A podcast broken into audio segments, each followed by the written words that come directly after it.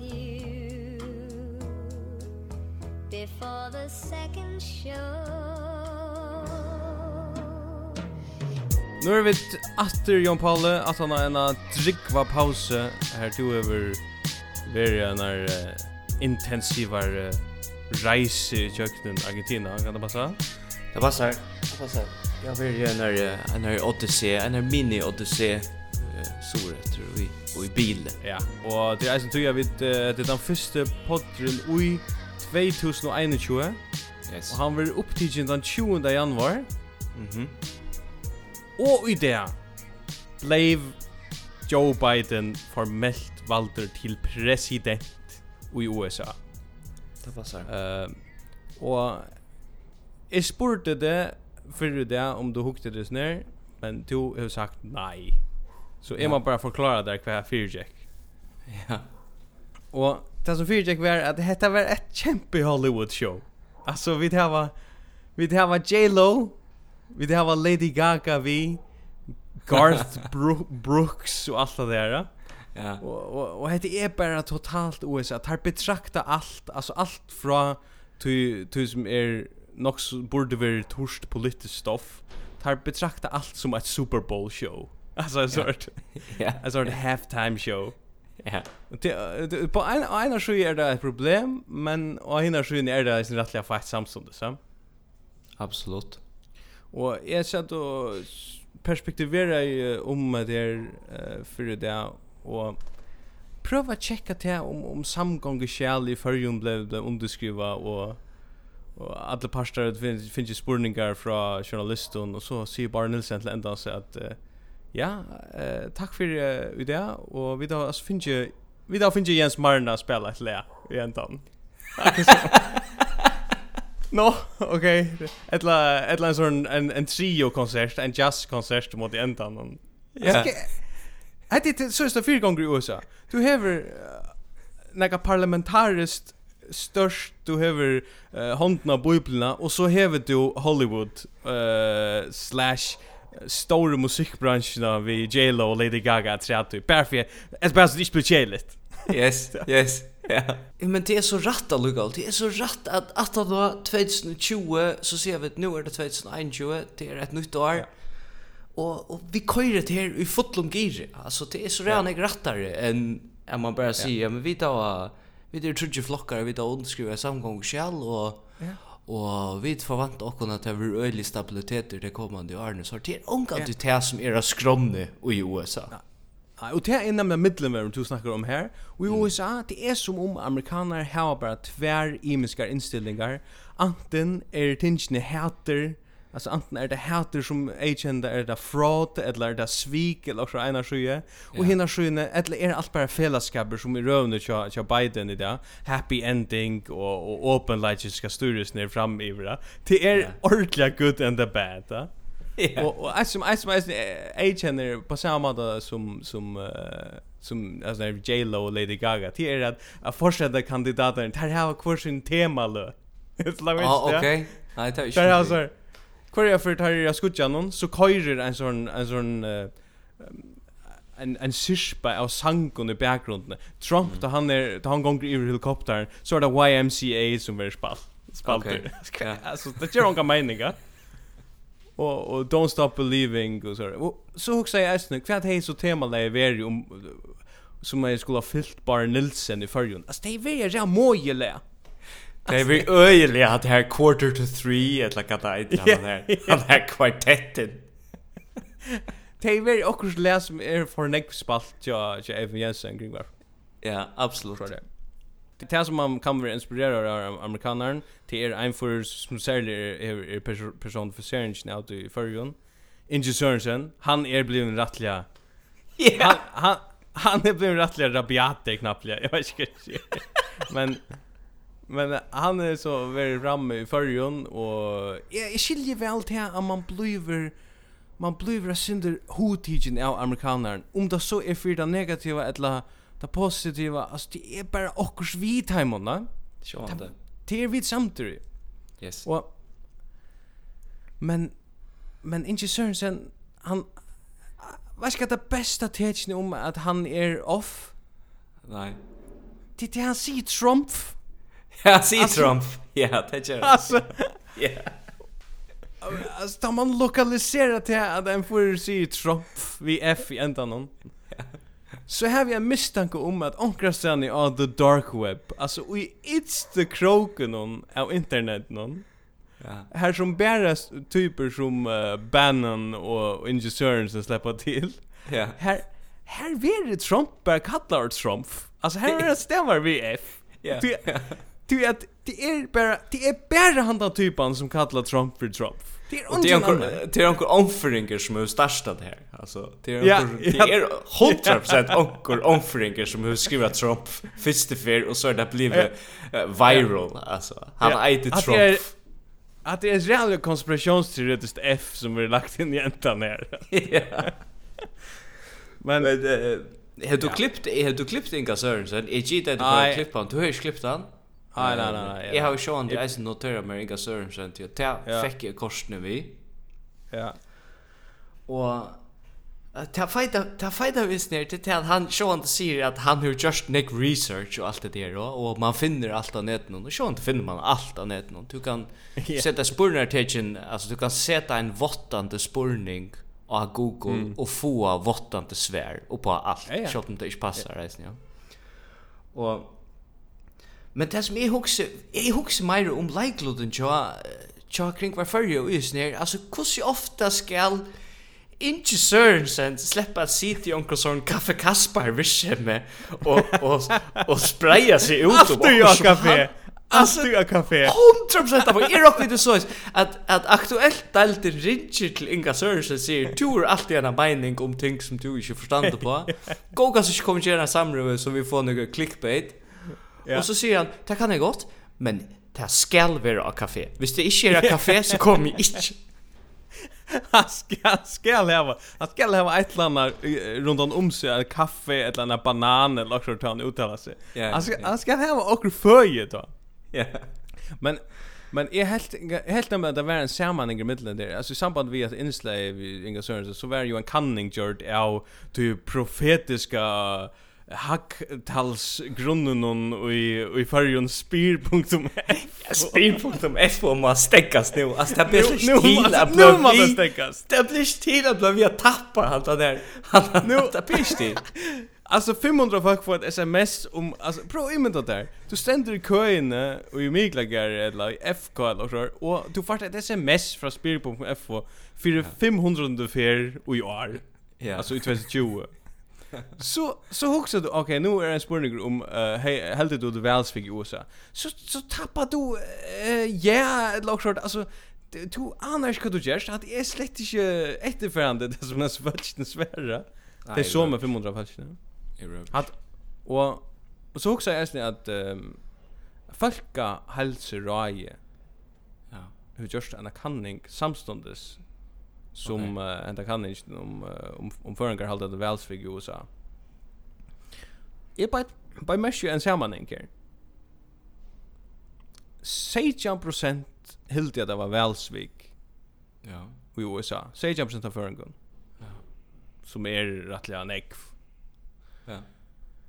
Men och Och kan inte det jag folkhälsoranon så var 16% av förengar som svärar att det sova för lite.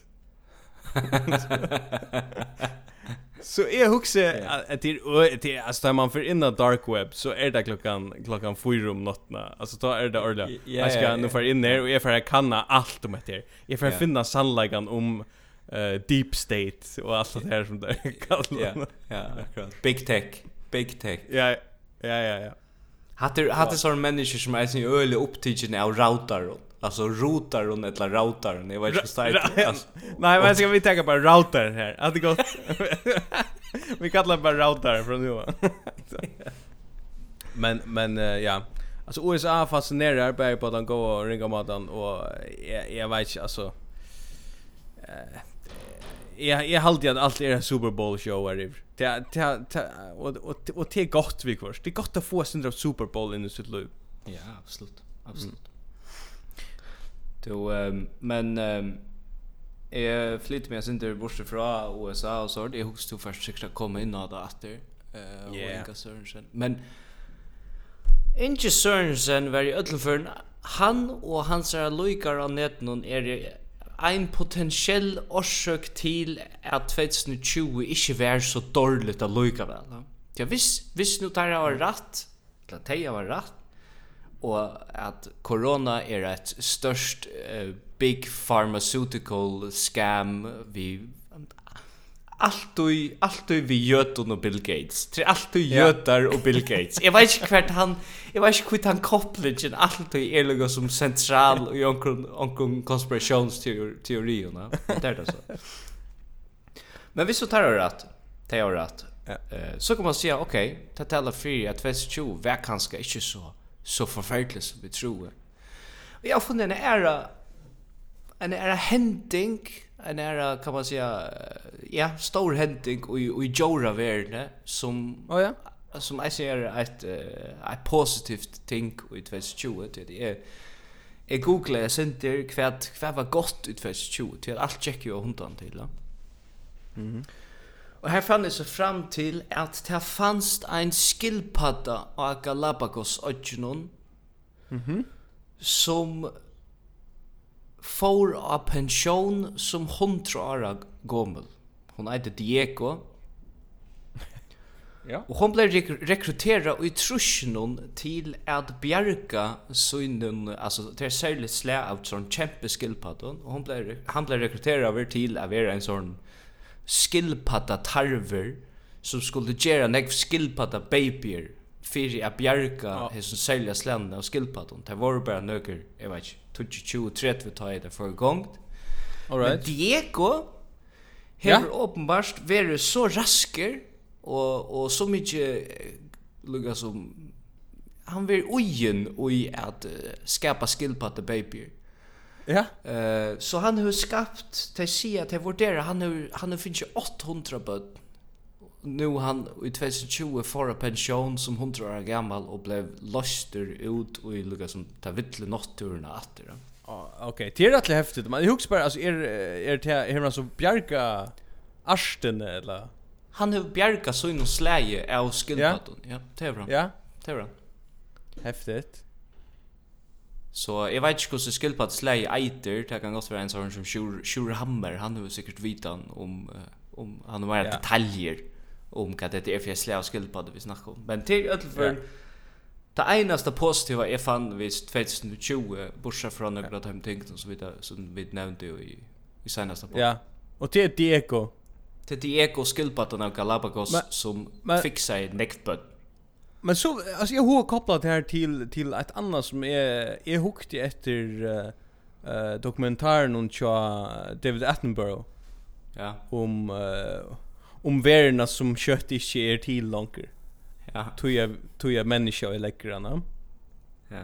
Och eh är är runt runt hooks syndrom föringar och ju serverarna som vi det i vi och läcka. Ja.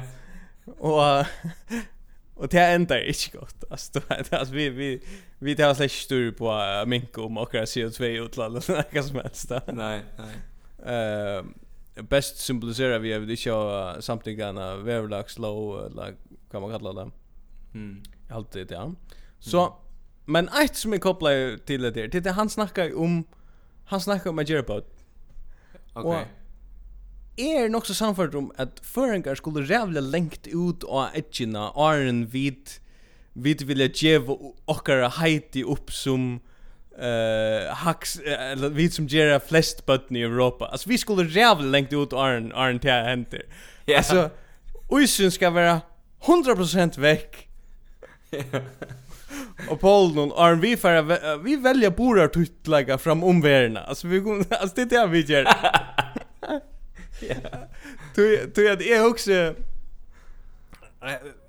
vi ger het är bara partnerland. Het är het är det är ju ett ett uppfunnet land i så måte. Vi var yeah. hilden, altså lums, lums er der vi, att vi var, att vi inte kunde inflyta vører ur Danmark, som vi ju i princip någon är. vi är ju Danmark, ja? Ja, ja. Vi kunde inte inflyta vører ur Danmark, utan att vi betala toll och eventuellt MVG, eller hva Ja, vører, Ja. Og te orsøkjene tann, at hvis vi hadde gjørst her, og ikke hadde betalt der pengene til, til, til uh, altså, du vet, hvis det var frukt da, ja. så hei jeg ungen vinna veri i fyrjon. Alltså och til han jag jag hade hei, hade hei, lagt vinnarna i fyrrjon. Ja, men det du heter allt hilde kunstige liv i hesten landen. Atler handel hei steg upp, hvis nu man kunde bestilt ur Ikea. Alltså yes. så hugger man bara ja, okej, okay, men kanske borde det här ett land så, hvis vi steg upp, hvis man lukar fjärnarna luttla luttla low. kanske skulle vi kanske skulle vi inte vara ett land så. Nej. Ja, det är gott. Men jag vet på det. Men jag huxar, jag huxar faktiskt om jag, jag var inne jag inte akkurat i sommar, men nu tar jag var färra i såna för så har vi svåm ju när kom vatten någon. Eh, oh, ja. Jeg er ikke en typ jeg är inte Sigurd Lammhauke, jeg har eller något sånt. Men jag har dippat i noen vøttene. Och da är en dag jag stod i en sån vatten och här var, här var några søyl, så var det søyl som svem, och som förbi så får jag också om att allt liv kommer ju från haven och från vøttene, och brunalja. Ja. Um, och så är det man, så är det man också, visst jeg alt liv kommer jo ur haven och ena för Hva er det så for slag løyve som ble verande i havn? Alltså hva var det för typer som sötte fuck it, jag får upp på land och jag får redan finna det också det fungerar. Ja, ja. Och kvar var det för typer som blev verande i i showen och sötte nej nej, alltså slapp av då vet vi det har allt vi då bruk för det. Ja. Mm. Det är förringarna. Förringarna är hans hans fiskren som onka det får ur haven så säger är har vi allt som som jag har bruk för det här. Det är gott nog för mig. Och som bara enkla. Bor med bor med inne i isen här. Och ger ger ankra regler och lower choice att vi hålla fast vid att vara konstiga och löve som samfälla. Ja, ja. Det är vad ger med till en vartan sula stone. Ja, ja, totalt. Det är vi det.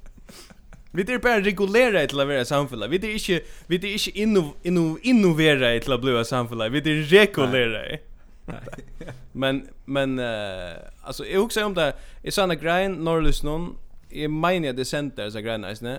I skriften är baby boom och klaxvik Och här heter det nästan vi bor där tutla gajera. Yes. Eh eh och plus det Vi er så fotten alderlig i hesner landna. Vi klarar ikke en gong at visa ta kine som har borre batni og i nøkron så øyla størsfinknon som einar Luv Mower, alltså ta ta Heidi är bara större än allt, luv Mower. Ja, det passar. Vi klar, vi klarar ju en gång att göra grind om at ta Kine som hever borre batne og åt batne. Ja. Skal vera ui greinene. Nei, vi gjerne grein om fem papar. Som heter Baby Boom i Klaksvik. Og og så var konfessionen nämnt i en sån bisetning om at ja eh och og tar så sålais och och så säger den ene pappen Röske mammunar hava det allar gott, sier Peter Gerald. Ja, tusen takk for det vi merkingsna fra 1800 og tutje, Peter Gerald. Svuntar bara lite in i den i höll och, och producera ja. böt. Ja, totalt kick för mentan. Ja, ja. Det passar. Nej. Ja, men hade varit ganska syndra en spacey uh, perspektivering men uh, vi må inna tror jag. Nej men ja, vi må hade ja, ja, men hade vi, vi må inna tror i, i verlagan. Apropå Klaxvik, jag läs uh, att uh, alltså Christian Grothman köpte a, a sheep. Okej. Okay. Ja, det är ju intressant så själv men uh, det är mer namn jag sheep någon som jag också säger förresten ständigt. Alltså till att sheep hej ett namn är det kom till förr. Ja. Det köpt i stein fyra Christian i grotten och uh, sheep. Ja. sheep som är köpt till Slaxgar i stein Christian Groten kostar nästan 95 kronor mindre än Christian Groten var såld för. 95 95 miljoner. Ja, 95 miljoner mindre, ja. Ja. Och Skipet er at etter øyla klaksvust at gjøre det her. Klaksvislit. Skipet er at Margaret, og jeg kom til fyrja og skrasetter, Margaret eide nu Christian. Så... så, så man bara synes den fær inn og gjør slitt a chin shift og til til at gjøre det til en mann fuck. Jeg vet ikke, altså man kan si at shift passar ikke vel til klaksus mentan, men til at, uh, at man maskuliniserer nega, til er mera Klaxvik, ja. Så jag helt hade någon så undrande verst, at det var en stortlig brøyding til dem. Uh, vi færa vi færa vi er til ein uh, Facebook bulk sum uh, er faktisk finn uh, sendandi nokkur uppslø fra er sjálv parsan men uh, kunde gott hugsa meir verða. Uh, han eitir Facebook bindeklubber. Okay. Du vil njónan? Mhm. Mm Nei. Okay. Hetta er ein lengi traver og isn bulknum. Og ta snur sig um nakka så absurd som kvosse halse disse eiter av førskon. Halse disse, Hva er det? Jo, det er det her du hører rundt om halsen, du vet. Så ofte du blir renn, du, ah. du blir renne sånn her. Du, ikke sikker, ikke sikker du helder det eiter. Ikke sikker. Nei, jeg vet ikke. Nej, okej, okej. Men tror tror ja det är det så att det heter en traver på jag vet inte hur snägg kanske en helt trusch trusch svärer till det där. Okej. För det första man bara säga halse disse och danskon det det är inte gott år. Alltså det är det. Nej, det är det inte. Nej. Men men men flyter man det every first så fär man neck mer absurd absurd någon eller hejte och bara det.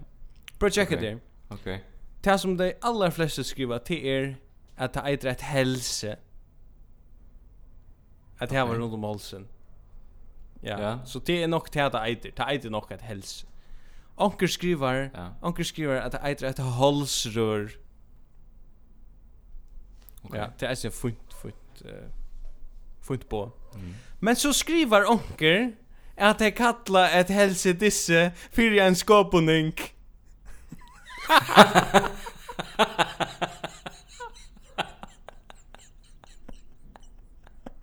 pura, pura, pura.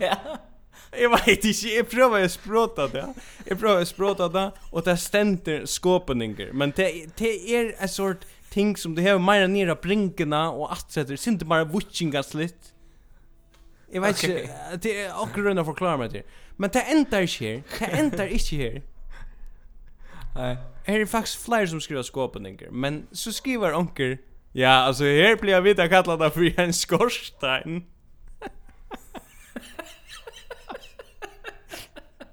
Okej, okay. och så så också man okej, okay, nu nu måste det vara något.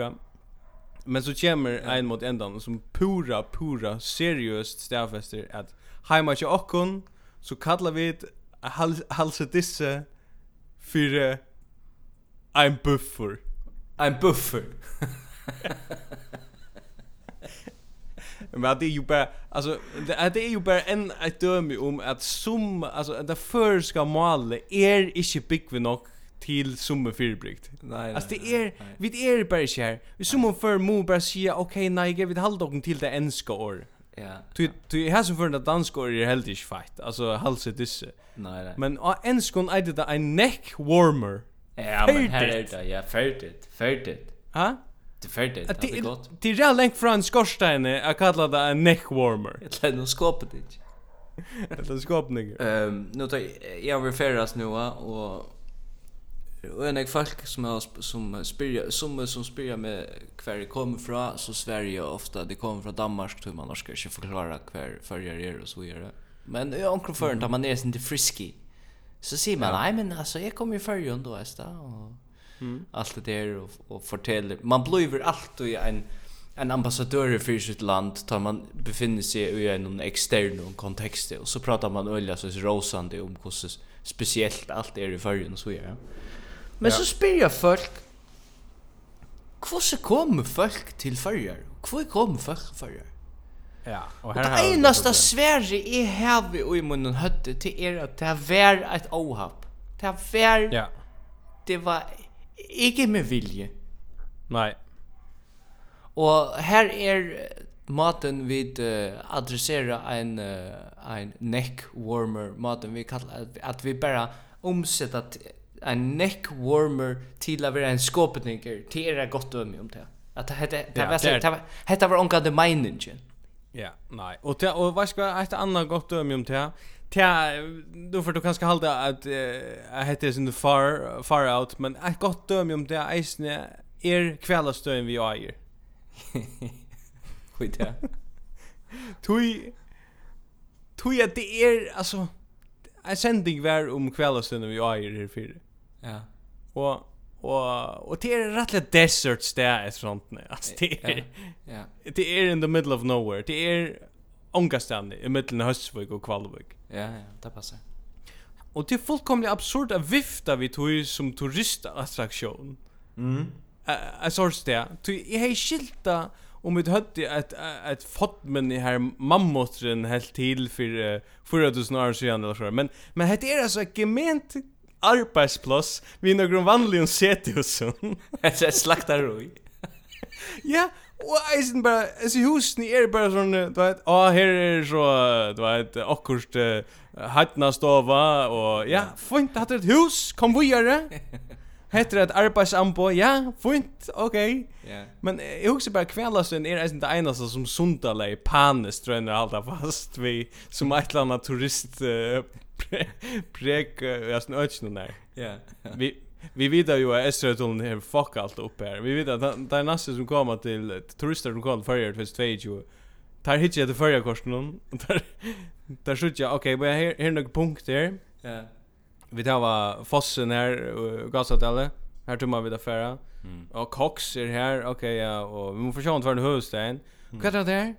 Jag hade kvällastön vid Airer mellan Hösvik och Kvalvik. Det här färger jag kraft i ett mich. Här färger jag inte. Och du kan helt inte färd till Köttnvik. Här är han kör högt i runt i Köttnvik och ropar efter ett ju. Jag kör bara råk alltså. Skrivar om dig. Skrivar av bilarna till dem. Men att det är turism i Färjön att det är så absurd att Färjön är ett öliga kvilande land. Vid är i öliga alltså vid är öliga rolig och det snur sig om att kvila sig näck. Och det är alltså bästa bästa indikatorn för det att det är det är tar man ger upp turismen så pratar man om gistingar. Alltså man pratar om sovande folk. Hur snäck folk? Hur snäck folk som inte är skrasset i förrjun har sovit i förrjun i år? Men ja, man ska också slett inte om något annat än det är så falskt när man sover. Men men jo, jag må, jag må vända till kvällstunden vi är till. Vet du hur så pasta fälla är att som modernisera i kvällstunden. Vi nu kan oss rätt med någon. Nej. Pasta fälla är sperm. Det är seriöst. Här hooks ju bara. Här hooks ju bara. Alltså är vi på att det heter sperm whale och enskuna. Alltså det är ordan. Men av förskon kalla inte inte kalla det Sjolt, sjolt bretar hade huxa what sperm alltså bara det inte sperm whale inte pasta fella sperm whale alltså eller passa fälla i augustur eller något sånt. Alltså. ja Att jag som är jävla suspekt passa fälla. Det måste jag säga. Öjla öjla. Eller har haft eller har haft humor då det var fixa det. Ja, okej okej. Ja, det kan väl bra. Jag vet. Men passa fälla i sperm för så är det heisen och i allt rushen. Okej. Ja. Eh ja, så vet man det att det var vitla modernisera kvällastuna. Och så får det heisen i allt rushen. Ehm jag också säger att jag spelar klipp nu. Yes. Eh vi färra vi färra vi färra faktiskt till morgonsändningen då. Och jag hörde ett inslag i morgonsändningen. Mhm. Ett rättligt absurd inslag i morgonsändningen om John Cadbury. Okay. Som sette Cadbury av Stone som vi känner ch chokladna. Ja. Och förrän som blev intervjuare var Danne och han diskar John Cadbury. Okej. Okay. Så han helt helt rattlan en av John Cadbury. ja, okej. Okay. Right. Och prova checka det klippet här. Eh, så du ska huxa sätta i sammanhang. Han nämner några folk som han vill samarbeta vid John Cadbury. Mm. Juleevangeliet. Du har kejser Augustus den mægtige kejser, som øh, øh, faktisk bliver kendt som den mægtigste kejser overhovedet Det er ham, der har givet os navnet kejser. Det kommer fra Caesar. Han har grundlagt en fred, der hedder Pax Romana. Men den er baseret på magt. Han har taget kontrol over hele Romeriet. Oprettet Romeriet. Og Romeriets grundlægger befrier og frelser. Og det holder de her 200 år.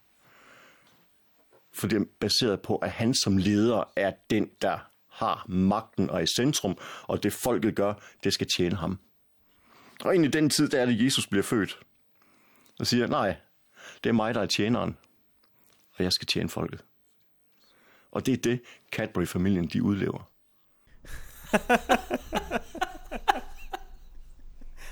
Jag menar du. Jag menar du. Men vi vi tre vi tar där helt store linjer där. Alltså vi tar Caesar, vi tar Jesus. Yes. Och John Cadbury. John Capper. Alltså jag hur jag var bara en en av mig som knutade till att det är. Och det är Ettla säljer han bara choklad. Ja. Ja. Ettla valde han bara att sälja choklad. Som eisen är vad för fint nobelt visse med gott god choklad. Jag pura ärligt visse med pura ärligt. Jag vet inte om man är en kejsare alltså för det. Vi tar vent och dreja kommunevalen og landje, och vi kommer faktiskt av mål ta i Amalie framstå blev borgarskjør fukle. Yes. Eh uh, om årsskifte som då sørste borgarskjøren, men jag har vänt atter til en eh ein um, yoga bonito uh, borgarskjør uh, i fugla fyrir Ait is Yoga Bonito. Yoga Bonita. Ja. Eh som var stad i Brasil där han blev vald till fick flest ätkvör i Fuglafjärde. Dover Jul som är som Maronite. Han blev vald till Borgarsjö Fuglafjärde. Och 4 januari var han där vike och skulle greja från de politiska atlan som han nu häver i Fuglafjärde. Okej. Okay. Men eh jag har två klipp här Det ja. första klippet är han som stäffester eh uh, snöglunda Kvossian ända i västet upp. Okej. Okay. Och prova lägg mest till hur ambitiös han är. Jag blev simpelthen uh, spurt om uh, när jag var så lopp. Och jag var ju du... Visste jag alltså. Man, är, man blev trus nu. Så hei er jo just etter, jeg blir gjevast av sykla. Det er sommer. Så tenkte jeg, ok, la meg prøve å stelle opp. Så kanskje kom inn, så hei jeg et, et det er også, også gjerne, også færre til nesten, kan man si. Men så sier jeg så vidt hele listan at, at det kan godt sett på listan, men hvis jeg hadde også bedre på, så kunne jeg alltid trekja den. Er det så lett å bli borgarstjør i fyrir? At det, Alltså han han han attlar bara gera och han kom hem. Han kunde ja. kort truck av kajen, han kunde ett eller annat. Men han valde uh, se det sig listan och han kunde gott för av att det visst var. Ja, ja. Så så så också man okej, okay, men så blir han vald ja. Och så mm. väntar man som att du du nästa du kommande uttalelsen jag så får han vara rättliga proff. Alltså. Yes. Och ta det seriöst då. Men Tens man så ser ut i nästa klipp någon. Det är detta. Det är sagt att det var jävast. jeg cyklar, så jeg atle har också arbeid, Men jeg snackar ikke om fulltid arbeid, Det gjør det ikke.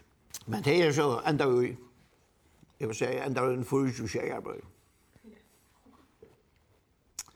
Men det er til fyra år, så det är det säkert hej. Då tar vi tjej, trus. jag. Så får vi sitte kvart. Slekta ber. Alltså kvart. Att det är så gott. Att det att det är så rätt att säga att han bara säger hett är det som det innebär att vara borgarstjör i Fuglafjärd. Akkurat det som jag säger här. Ja alltså du ska ha ambitioner till en halvtjärstarv. Yes. Och gärna vara av V av pension och i, och i grånene och i hötten alltså och i, och i psykene ska yeah. du vara färren av pension. Och så läs administrera du fåglar för. Yes. Alltså så läs tog jag faktiskt så vann i det att Helge A, alltså Helge Abrahamsen, ja. och kan gå eh vimmaver. Ja. Han är eisner fåglar för. Han administrerar eisner som om han är av pension. Alltså han administrerar bara som en sån fyr som som attlar affära eh om några år det heter Leo ta. Han är sån att ett sky maver. Alltså han är han han, te, han tar så orange när jag får att omsida landstorsession öliga bokstavliga. Han får bara omsida han. Han får inte att lugga som han får inte transformera han till det här störst. Nej, nej. Och fick så näka som helst vi kvad av jul alla alltså alla hur vi skatte någon fåglar för eller kvad badna från drossen eller näka så nej heger är alla mer att stäcka vi arbeta nu blev vi nötter till arbeta och en tar för 20 tjej han och det vet vi väl att det här fer han inte gör Han prövar halva typ borgarkör jag snär. Alltså han är li och Copacabana och i hva var det 21 år eller det han kan ikke komme han kan ikke komme i gang til fotklare for han er helst ikke helst ikke venner vi at det stinker av fisk i fotklare for Nei, nei. Han er, han er jo lukta til uh, till uh, mer exotiskt stoff än det i, i uh, Rio det senaste ja, en ju Absolut. absolut. Nej, men det är häftigt. Vad ska jag gå ett nu då Rio? Ja, vi vet inte då. Håll dig starv. Vi ansar vi ansar journey som borgar till. Jo. Men apropå ja. alltså folklaförer är ganska öliga konservativt och ja. och öliga eh så halva tog administrera administration. Yes. Men ett som hev, som vär öliga konservativt och jag fight på att han konservativa maten. Mm. Det vär och slash er FK i mig på någon i havna. Ja, absolut. Yes. Det är jävligt gott det. Ja, det är gott det og, og jeg sa bare et oppslag fra Taimon, skriva her, Vit færre at nutumans gjerra handelen. Ok. Det skulle de leta vera vi, og jeg FK i midtbøynen. Ja. Altså, her er en sort, jeg vet ikke om du, uh, altså her er en sort, uh, en, en øyelig deimer av tjekk inni her. Alltså här är sort Bare mitt i rummen. Och och och och handlar alltså skolt inte där och i i bygden som uh, gärna skulle häva han lukten häva han lukten som FK mitt på mitt på ner. Nej, nej. Alltså han är sån rättligt häftig han Damon gör. Ja, eller sån damer av att ha er en krampo, det är en gammal krampo. Det är ja, ja. det nek det nek som betalar vi kontant stad kan det nek kontant vi Ja. Och FK generellt till till öliga till öliga att komma lite utan lakre.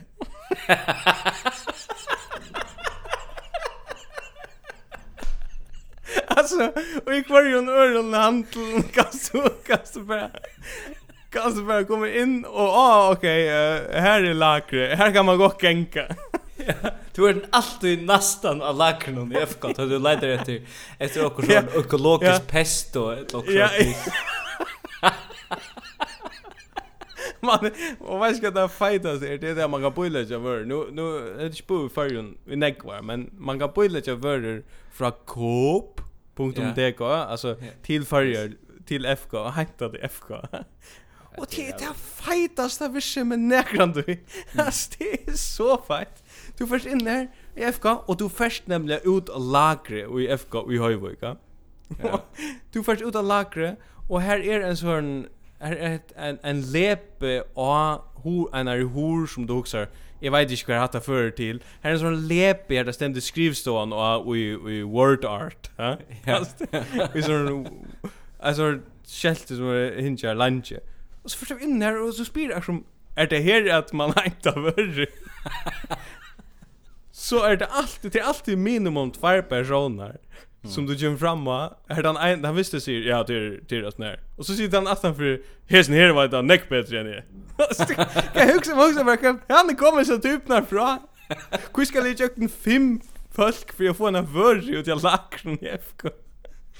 Men men även det även det jag för norra norra lektion det som du säger lektion är bo för. Men även det att det var ju och Alltså tar stor tar stor barona när i sån mätvär handeln i förrjun. Bäj och i alltså i FK och i Höjvik och i Miklagar så tar alltid onkel friska danskare. Tar alltid onkel slaktare yeah. typa som man skulle ha fätra. Det var alltså Hvis du ville kjøpe mjölk og smør og alt det der, så får du kan avgrada sjálfur. Men hvis du skulle hava fætre og en, en, en tjekve et loksa, yeah. så var det alltid en danskar som skulle komme, her har du din tjekve.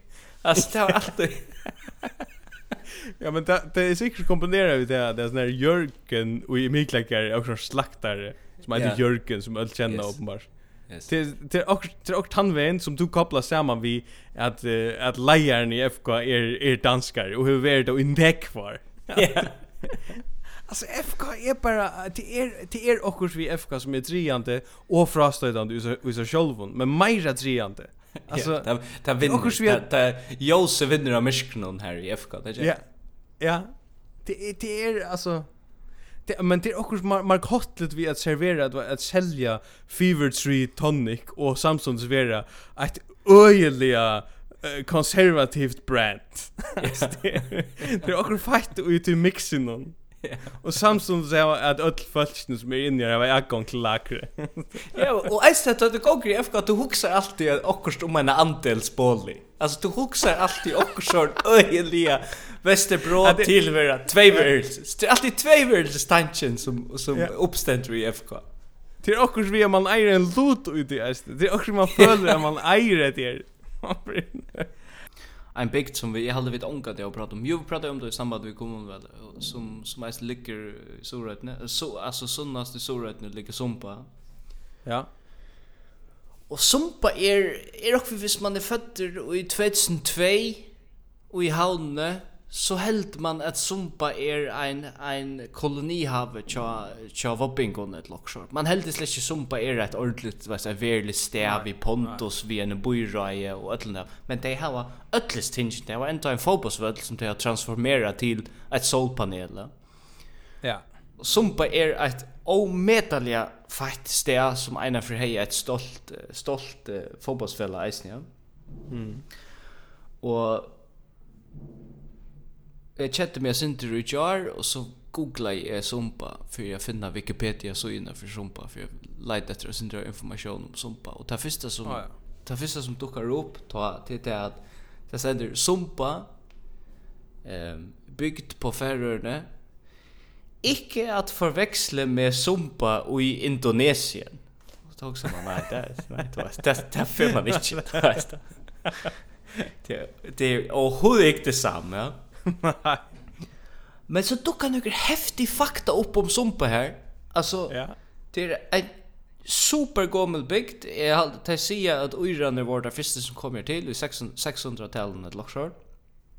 Mhm. Mm Och at, og så en liste av öllum stórum hendingum som har verið og ta fleste snikva sig om at okkur som heter munkeren räpar i havet alltså det er ett ett omanlopp en en en klätter som bara räpar nir i havet så är det också showrunner som som uh, renner upp av land og så er det beinesvør som ræpar nir i havet og nekve lomvier dodja og så er det naturkatastrofer, sjårennarar, alltså det bygg var av klätten och i hemsens ända kan man säga. Ja. Och vad gör det sumpingar? Och nu är det tjej 20 färra sumpingar till köp, Köpmannahavn att, att framvisa föreskandans. Så okay. färra Köpmannahavn har dansa föreskandans.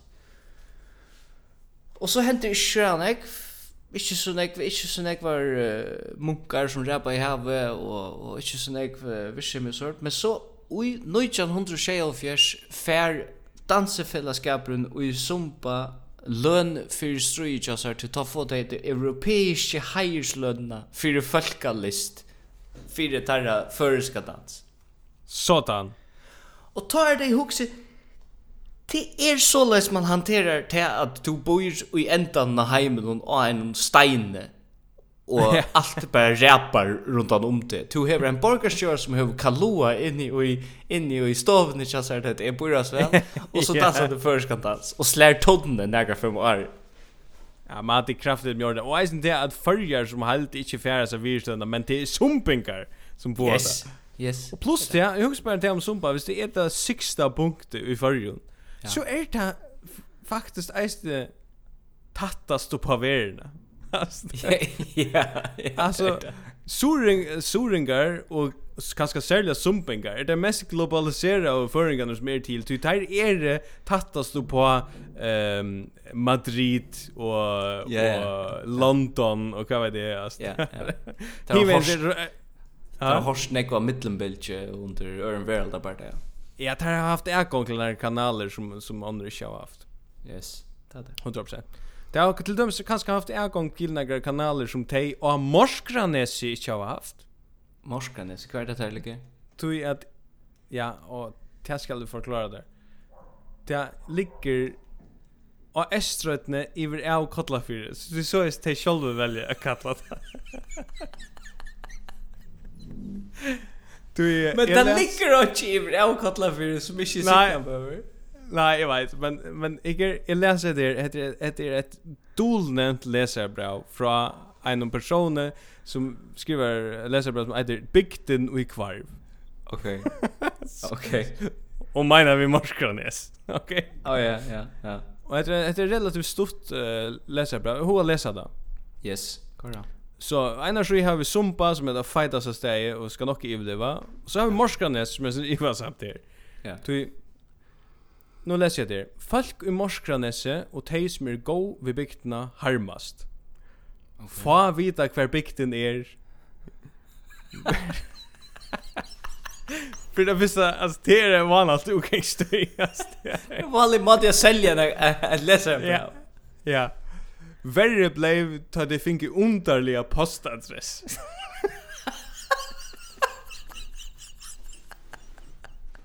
Hur kan man Hur kan man basera sitt liv i grundarläge på att ha en underliga postadress? Och så ständer och så blev helt illa statt ta landsverk avskriva avskriva i dig. Landsverk. Jag skriver. Men så kommer det att till dessa förklaringar som säger det här. Eh, här ständer. För först att greja att hemma från som inte vet hur bygden är. Så så är hon eströdne i bra kallar för. Ja. Men det är vanlig förklaring. Ja. Så ständer västan för Sjöar kommun är trutja bygder. Sunnast, Kolbeina Djekv, så kommer Morskanes, og så kommer Selatrea. Ja. Vevren i gonger fra Stronton og norr etter, eiter Selatrear vever. På ja, på ja, jag planerar till nästa men... De tølv husene av Morskanese hava adressena Selatrear vever, 403, til 496.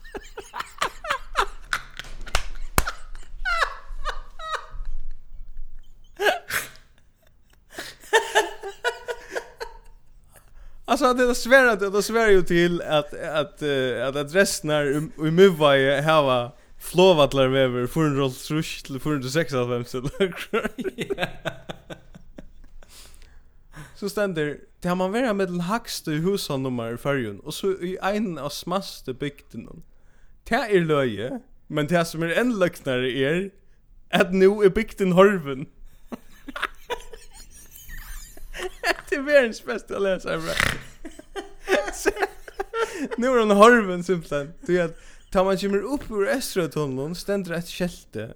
Så är mynt av det, så är mynt om man för Här ständer kolparna check och selat men inte byggt en morskranes. Nej.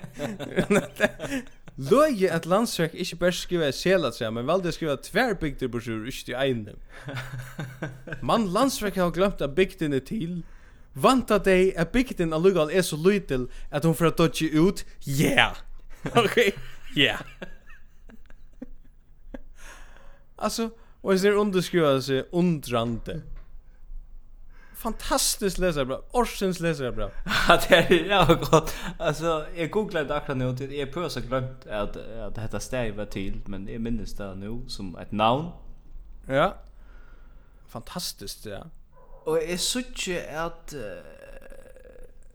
man googlar det første som kommer opp til noen mynter og, og noen som ja.